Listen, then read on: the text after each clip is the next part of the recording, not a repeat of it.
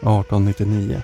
Någonstans i ett begravningskomplex i Memphis nära Saqqara, Egypten, jobbar några män hårt med att gräva.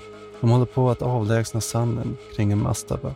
Det är varmt och de börjar bli trötta när en av dem ser något under sanden. Ingången till själva gravanläggningen. De börjar ropa på en utgrävningsledare, en viss Victor Loret. Tillsammans så bryter de sigillet på graven och tittar in. Inne ser de fantastiska saker, men en liten fågel av trä lades tidigt åt sidan och blev nästan glömd. Det var inte förrän en Khalil Messiah såg fågeln på Egyptiska museet i Kairo som den verkliga sagan skulle börja.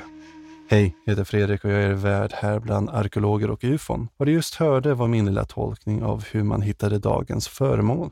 I den här podcasten kommer vi gå igenom föremålen och idéerna från Ancient Aliens och se vad som egentligen pågår. Och idag kommer vi prata om Saqqara-fågeln.